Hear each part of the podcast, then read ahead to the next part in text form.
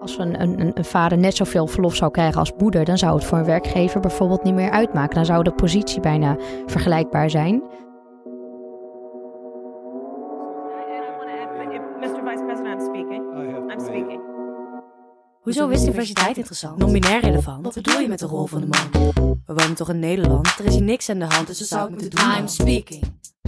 Welkom bij I'm Speaking, de podcast waarin we op zoek gaan naar de verschillende manieren waarop het patriarchaat nog steeds springlevend is. Yes, we pakken steeds een thema, gaan in gesprek met een gast en richten ons vooral op actie en verandering. Ja, vandaag gaan we het hebben over zwangerschapsdiscriminatie. Ja, ik kijk natuurlijk meteen eh, naar jou, Sophie, want dit is voor jou een potentiële realiteit. Klopt, ja. Want uh, voor wie het nog niet wist, ik ben ook zwanger. En um, nou ja, gelukkig heb ik het als uh, zelfstandige goed getroffen.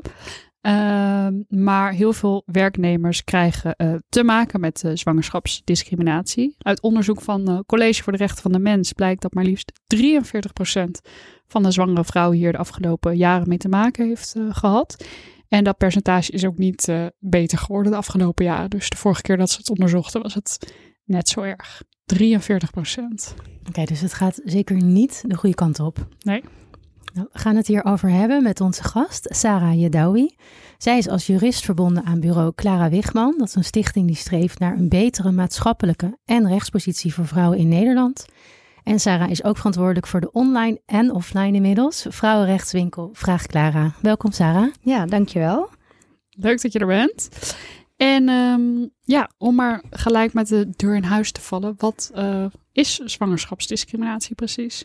Um, ja, uh, zwangerschapsdiscriminatie, daar kan ik uh, zo wat voorbeelden over geven. Maar dat betekent natuurlijk gewoon dat je gediscrimineerd wordt omdat je zwanger bent of de wens hebt om zwanger te worden of dat je bevallen bent. Dus als je moeder bent, kan dat ook nog steeds voorkomen. Mm -hmm. um, maar waar het vooral op ziet is, um, we krijgen veel vragen van uh, vrouwen die er tegenaan lopen dat hun contract niet verlengd wordt omdat ze zwanger zijn. Of omdat ze niet een baan krijgen tijdens de sollicitatie omdat ze zwanger zijn. Uh, maar het heeft ook wel te maken met het niet kunnen kolven op werk. Of toch wat gevoel krijgen dat ze sinds uh, zwanger zijn uh, achtergesteld worden of geen promotie krijgen. Nou, dat zijn allemaal voorbeelden van zwangerschapsdiscriminatie. Oké. En um, dat varieert dus eigenlijk van ja, relatief kleine dingen. Of dat je misschien denkt van nou ja, oké, je kan niet kolven op het werk. Wat vervelend is waarschijnlijk tot echt van oh wow, mijn contract wordt niet verlengd. Ik ben mijn baan kwijt. En uh, ik zei aan het begin al van uit dat onderzoek blijkt dat 43% daarmee te maken krijgt. Ja, is dat veel? Is het misschien nog wel meer? Ik kan me ook voorstellen dat niet iedereen het gelijk herkent of ziet. Ja, ik, wij, wij denken wel dat dat meer is. Ja? Uh, dit zijn natuurlijk de vrouwen die het dan ook daadwerkelijk gemeld hebben. Ja. Er zullen natuurlijk veel vrouwen zijn die het niet hebben gemeld. Maar er zijn ook heel veel vrouwen die het niet herkennen. Dus die herkennen niet uh, dat er zwangerschapsdiscriminatie zit in een opmerking dat de werkgever zegt, nou moet dat nou dat golf? Of uh, dat ze daar geen ruimte voor beschikbaar hebben. Of sommige vrouwen herkennen ook niet dat ze niet daarom zijn aangenomen. Of dat het contract niet daarom is verlengd. Of ze, ja, ze gaan toch twijfelen aan hun eigen positie. Heb ik het gewoon niet goed gedaan? Of, ja. Dus ik denk dat veel vrouwen het ook nog niet herkennen, maar niet iedereen meldt het ook. Maar vaak ook omdat er niet altijd een oplossing voor is. Ja, ja. En ik kan me ook voorstellen, ik weet niet of dat zo is, dat vrouwen misschien niet helemaal weten welke weg te bewandelen als je wel melding daarvan wilt maken. Ja, precies. Want je kunt inderdaad een melding maken bij het college. Het heeft niet altijd gevolgen. Dat is wat ook misschien uh, sommige vrouwen ervan weerhoudt om een melding uh, daarover te maken. Um, het is een beetje een grijs gebied. Je kan het niet heel makkelijk aanvechten. En dat heeft vooral te maken met het feit dat je het bijna niet altijd kan bewijzen. Ja. Nu ben jij jurist. Uh, zwangerschapsdiscriminatie is bij wet verboden. Hoe zit dat precies? Is dat één wet die je daar helemaal tegen beschermt? Of zit dat anders in elkaar?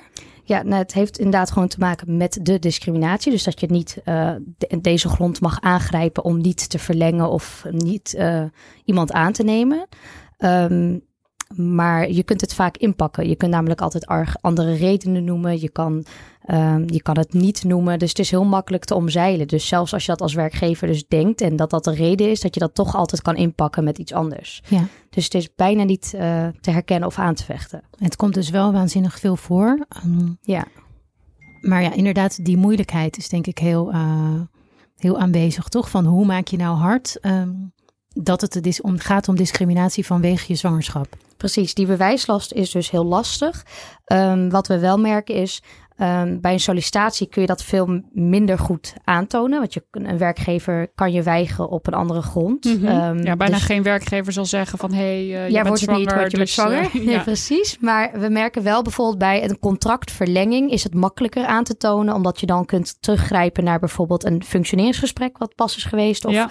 en, en als daar helemaal geen negatieve dingen in staan en je wordt vervolgens niet verlengd en dan komen ineens allerlei redenen naar boven, dan kun je veel makkelijker aantonen dat die er niet eerder waren, dat dat pas ging spelen op het moment dat je zwanger werd. Ehm, dan is het makkelijker om al een begin van een bewijs te kunnen leveren, waardoor de werkgever wel met iets zwaarder moet komen om te zeggen waarom jij niet verlengd wordt. Oké. Ik denk dat dat wel iets is wat veel mensen niet weten. Want de meeste mensen denken volgens mij van nou, tijdelijk contract. Dat hoef je niet, eh, hoeven ze helemaal niet te verlengen als ze dat niet willen. Maar als je dus kunt zeggen van hé, hey, dat is nadat ik heb aangekondigd dat ik zwanger was. Daarvoor deed ik het altijd goed. Ze gaan nu misschien iemand anders aannemen in mijn plaats. Dan is er eigenlijk best wel een. eh, Ja, dan is het best nog wel. Een, ja, dan kun je best nog wel aantonen van goh, het heeft geen, het, waren geen bedrijfseconomische redenen. Het lag en mijn functioneren kwam nooit eerder naar voren, maar wel nadat ik de melding heb gedaan dat ik zwanger ben. Ja. Ja. En, en, en dan, wat gebeurt er dan? Dan moet de werkgever gaan bewijzen dat dat niet zo is. Ja, nee, dan moet inderdaad de werkgever met iets zwaarders komen om aan te tonen van nou, eh, nee, het ligt hier aan, hier aan. De afgelopen maanden is het eh, achteruit gegaan. Of nou, dan, dat is nog wel lastiger te bewijzen. Dus dan is het in het voordeel van, het van de vrouw, zeg maar, om het wel op te lossen. Ik blijf het toch iets aparts vinden dat het, die wet ook, ja, dat is natuurlijk op meer gebieden met discriminatie, maar dat er al zo lang wetgeving is en dat het dan toch nog steeds zoveel voorkomt. Hoe, hoe kijk je daarnaar? Ja, ik denk dat het ook heel moeilijk blijft. Want het maakt uit hoe duidelijk je wetgeving opstelt of beleid, beleidsregels hierover is. Ja, je kan het heel makkelijk verdoezelen. Dus het, het blijft een moeilijk gebied. Ik denk niet dat ik dat zo 1, 2, 3 zou kunnen Nee. oplossen. Ik denk dat als de bewijslast altijd andersom lag, dat je als vrouw alleen maar hoeft te zeggen: Ik denk dat dit het is. En dat dan de, de werkgever altijd zou moeten bewijzen dat het niet zo is. Dat het dan wel een makkelijker zou zijn. Dus dat zou wel drempelverlagend werken. Ehm, dus dat zou een optie kunnen zijn. Maar ook dan blijft het nog steeds, denk ik, gewoon een heel Ja. lastig onderwerp. En dan, zeg maar negatief gedacht, wordt elke vrouw die Ja. je aanneemt een enorm risico, want ze kan dat altijd gaan zeggen, toch? Ja, dat, dat betekent dat elke zwangere die op zo'n sollicitatiegesprek komt, dan denk je al meteen: Oh, dit moet ik even goed Ja. afwijzen, want anders heb ik straks een probleem. Dus Ja, ja, blijft eh, een lastig eh, onderwerp. Maar ik zie daar wel een moeilijkheid in. Want als je leest bijvoorbeeld bij College voor de Rechten van de Mens over zwangerschapsdiscriminatie en welke rechten en regels er zijn, ligt daar echt een heel grote verantwoordelijkheid of veel verplichtingen bij de werkgever. Dat ik, ja, ik weet niet hoe jij daar naar kijkt, dat ik soms wel denk van ja, hoe realistisch is dat? En hoe goed zijn werkgevers over het algemeen geïnformeerd over wat ze wel mogen, niet, wel mogen doen, niet mogen doen, wat ze zouden moeten faciliteren? Ja, nou ja, ik denk dat inderdaad werkgevers met heel veel dingen te maken hebben. En heel veel regels en, en, en, en, en wetten en beleidsdingen waar ze zich aan moeten houden. Maar het is andersom gewoon veel belangrijker dat alle vrouwen weten waar ze recht op hebben. Ja. En dat dan aan kunnen kondigen bij een HR of een bij werkgever. Dat, dat werkt gewoon veel beter. Dus er zullen niet altijd werkgevers zijn die alert zijn op al deze dingen. Eh, bijvoorbeeld kolfruimtes. Je merkt nog steeds dat er werkgevers zijn die daar gewoon geen ruimte voor hebben. Of daar nu pas aan het creëren zijn. Ehm, maar ja, je zou als vrouw zijnde daar gewoon heel erg eh, alert voor moeten zijn. Je rechten, ke- rechten kennen. Ja. En ook dingen als eh, ja, vragen die vrouwen krijgen bij sollicitatiegesprekken of eh, evaluatiegesprekken. Heb ik heel vaak gehoord over de jaren heen. Dat eh, dan wordt gevraagd van, hé, hey, ben je zwanger? Of, oh, je bent toch 30, eh, wil jij geen kinderen? Dat soort dingen. Ja. Is dat nou verboden voor werkgevers om te vragen of niet? Of je mag het wel vragen, Ja. maar je...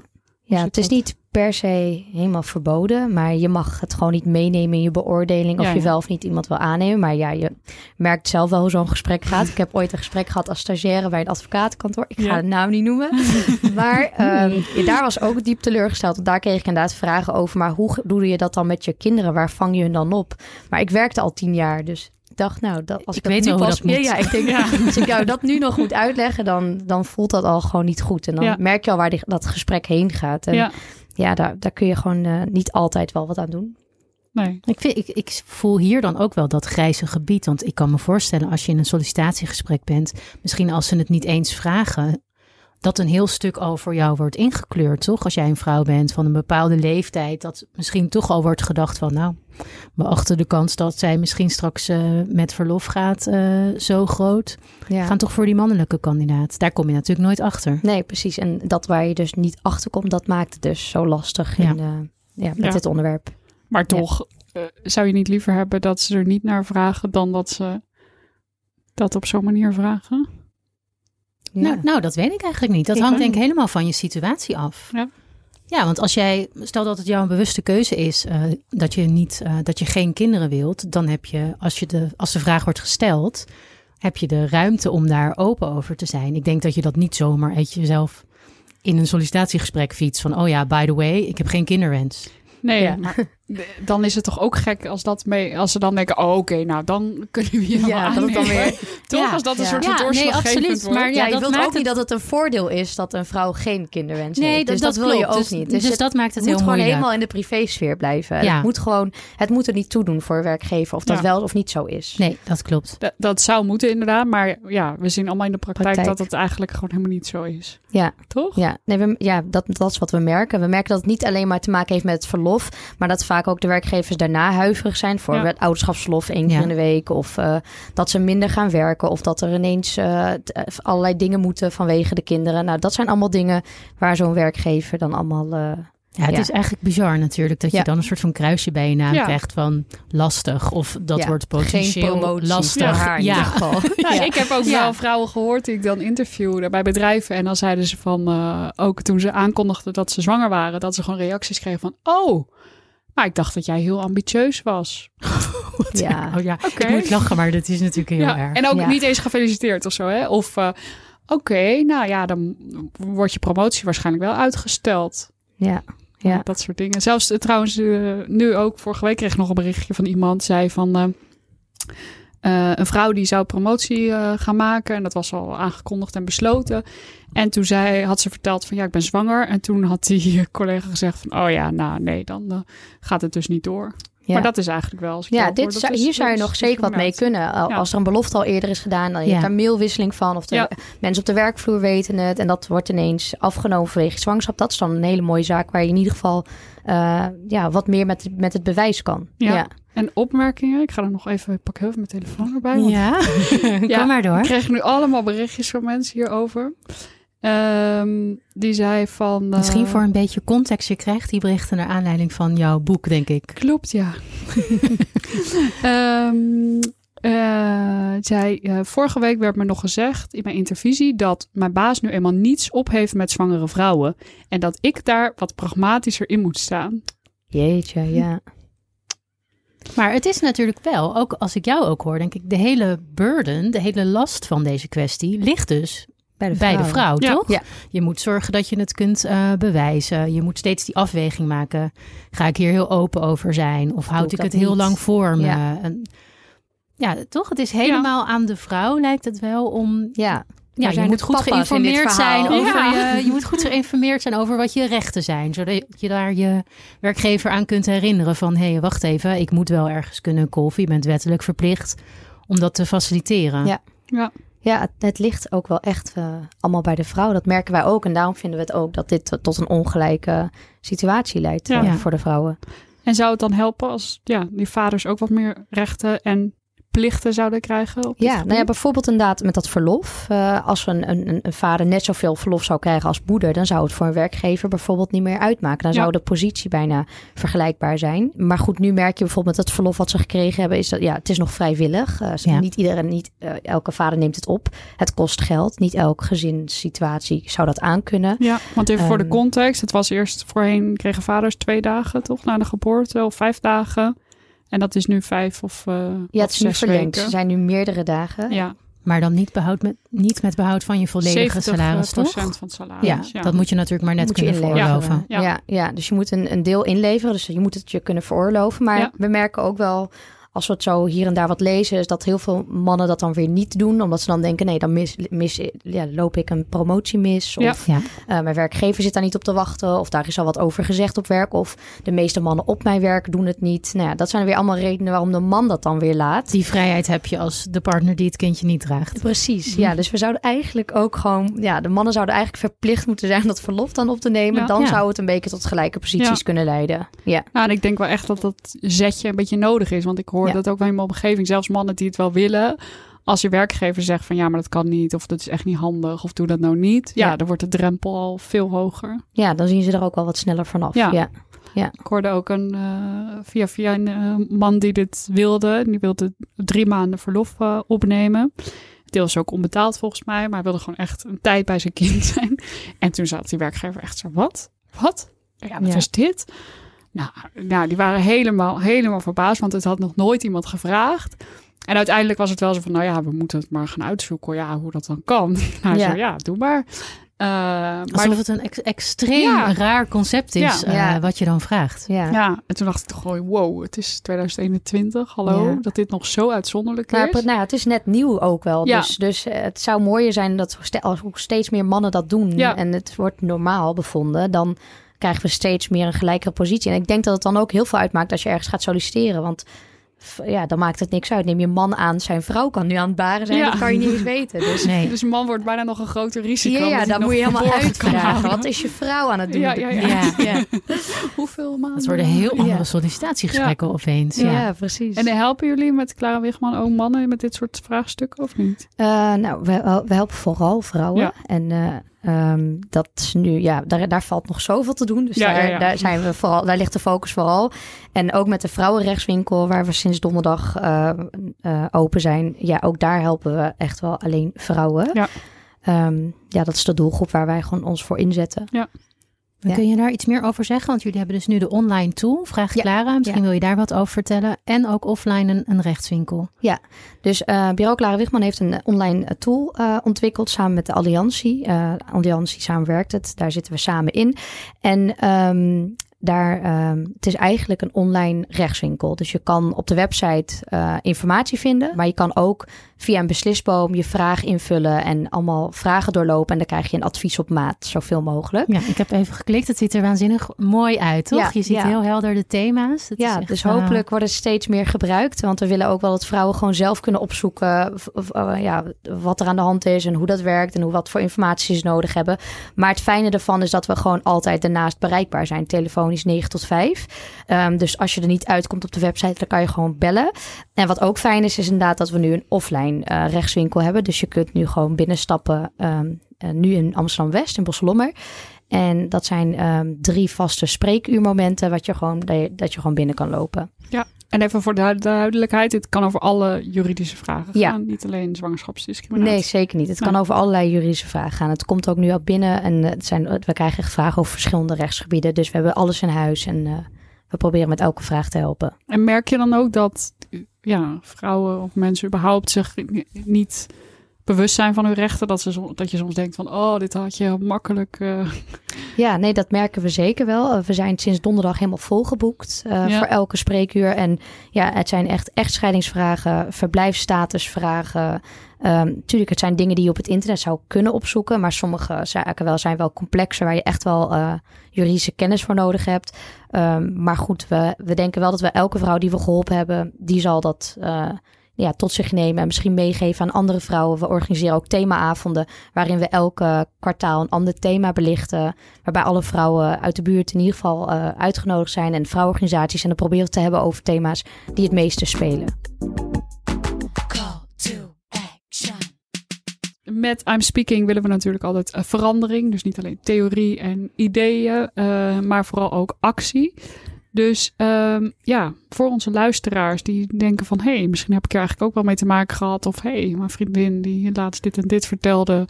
dat eh, klinkt eigenlijk ook als zwangerschapsdiscriminatie. Welke acties eh, kunnen mensen zelf nemen hierin? Ehm, even denken. Nou, in ieder geval wat tips voor als je zelf gaat solliciteren en je, bent zwanger. Ehm, dan is het goed om te weten dat je het niet hoeft te vertellen. Uh, dus dat je het mag verzwijgen voor een werkgever tijdens de sollicitatie. Maar ook dat als er na gevraagd wordt, dat je niet verplicht bent om te antwoorden. Dus je mag zelfs eigenlijk erover liegen. Mhm. Um, dat weten niet alle vrouwen. En sommigen vinden dat nog moeilijk. Die zeggen ook wel van Ja. nou, ik wil niet op deze voet beginnen. En ik wil niet nu al iets achterhouden. Maar ik, Ik kan me mijn daar wel iets bij voorstellen. Want ik denk, Ja.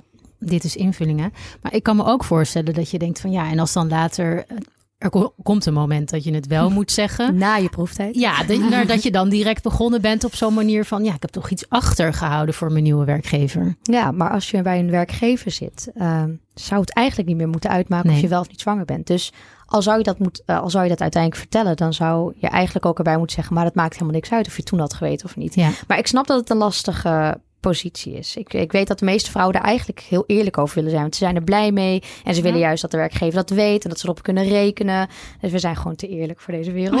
Ja. Maar En het ja, zou ook moeten kunnen dat je er zo eerlijk over bent. Ja. ik weet dat dat in, In de theorie. praktijk... Ja, ja ik, het zou zo moeten zijn, maar het is niet zo. Dus Nee. mijn advies Nee, is dat- eh, om het gewoon niet En het is eh, ook een goede doen. test. Want als ze dan zeggen van, huh, maar dat wisten we niet. la, la, la, dan kun je zeggen, oh, maar had je dan iets gedaan met die informatie? Ja, Precies. Ja, dat is absoluut waar. En dat is heel mooi om terug te geven. Ja. Ja, Ja. eens. Ehm, dus dat is in ieder geval wat advies. Ehm, wat, ook nog, wat ik ook nog mee kan geven is tijdens je functioneringsgesprek probeer dat altijd vast te leggen. Dus als zo'n gesprek is geweest, sommige werkgevers zijn daar heel goed in. Dus die maken echt een, een, notitie daarvan of een verslag daarvan en die krijg je gewoon toegestuurd. Maar ik ken zoveel werkgevers die dat gewoon alleen maar even mondeling doen. Ja. Hier en daar een krabbeltje en daar voor de rest eh, niks opschrijven. Zorg ervoor dat je dan zelf na zo'n gesprek in ieder geval opschrijft. Nou, dank voor het gesprek. Vond het fijn. Dit was de inhoud. Klopt dit? Eh, zo niet, eh, reageer dan nog even daarop. En dan heb je dat voor je eigen dossier. Voor als je contractverlenging eraan zit te komen. Mhm. Of niet. Ehm, dat is ook even belangrijk. Ehm, verder, ja, bel vraagclara.nl. Dat is landelijk namelijk beschikbaar. Dus Oké. hoef je niet per se voor in Amsterdam te wonen. Dus heb je ermee te maken, bel dan met ons. eh, of met het College van de Rechten van de Mens. Wij verwijzen ook naar elkaar door. Wanneer wij zien, oké, er, is er ligt te weinig bewijs. Maar doe wel een melding bij het college. Of eh, we overleggen waar het beter terecht kan komen. Ehm, En, dat mag dus ook echt met laagdrempelig, of dat is echt laagdrempelig. Ja. Want ik kan me voorstellen, het klinkt heel groot woord van zo'n zwangerschapsdiscriminatie, maar eigenlijk, ja, maar ja, als je twijfelt. voorbeelden hoor en ook als je zegt als je twijfelt, dan denk ik dat eh, ja, bijna elke zwangere vrouw hier wel een keertje mee te Precies, maken krijgt. Ja, ik denk ook zeker als je twijfelt, dat je, in zo, oh ja, dat je denkt van, ah, volgens mij is het wel zo, maar ik weet niet zeker. Ja. En je wilt het toch checken, dan staan we daar ook zeker voor open. Dus je kan altijd bellen naar Vraag Clara, landelijk. En als je denkt, nou, ik woon in Amsterdam, dus ik loop wel binnen of eh, ik kom op het spreekuur, dat, dan ben je zeker ook welkom eh, met eh, dit, dit soort vragen. Mooi. Wat kunnen werkgevers nou doen? Of moeten die gewoon bij zichzelf te raden gaan van hoe ga ik hier eigenlijk mee om in de praktijk? Ja, nee, ik- ik heb wel.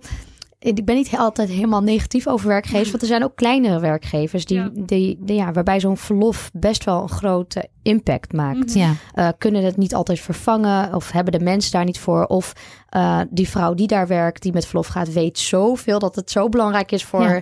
dat kleine bedrijfje. Dus ehm, ja, ik snap soms wel van een werkgever van dat ze denken, oei, en nu? Dus dat is helemaal niet erg. Eh, je moet er gewoon samen uit zien te komen. Ehm, ja, maar de andere werkgevers die moeten echt wel gewoon nadenken over ehm, ja, dat dit gewoon niet mee mag spelen. Dat, dat dit gewoon geen onderdeel mag zijn van zo'n gesprek of van een verlenging of van iets anders. het is geen professionele kwestie als een vrouwelijke medewerker een kind krijgt of wil. Nee, of, nee, nee, dat is gewoon privésfeer en dat zouden we eigenlijk gewoon moeten toejuichen. Ja, Sluit ik me helemaal bij aan, toch? Ik. Zo eh, moet het zijn. Die precies. kant moeten we op. Nou, dankjewel Sarah. Yes, ja, jullie ook dankjewel. bedankt. Dank.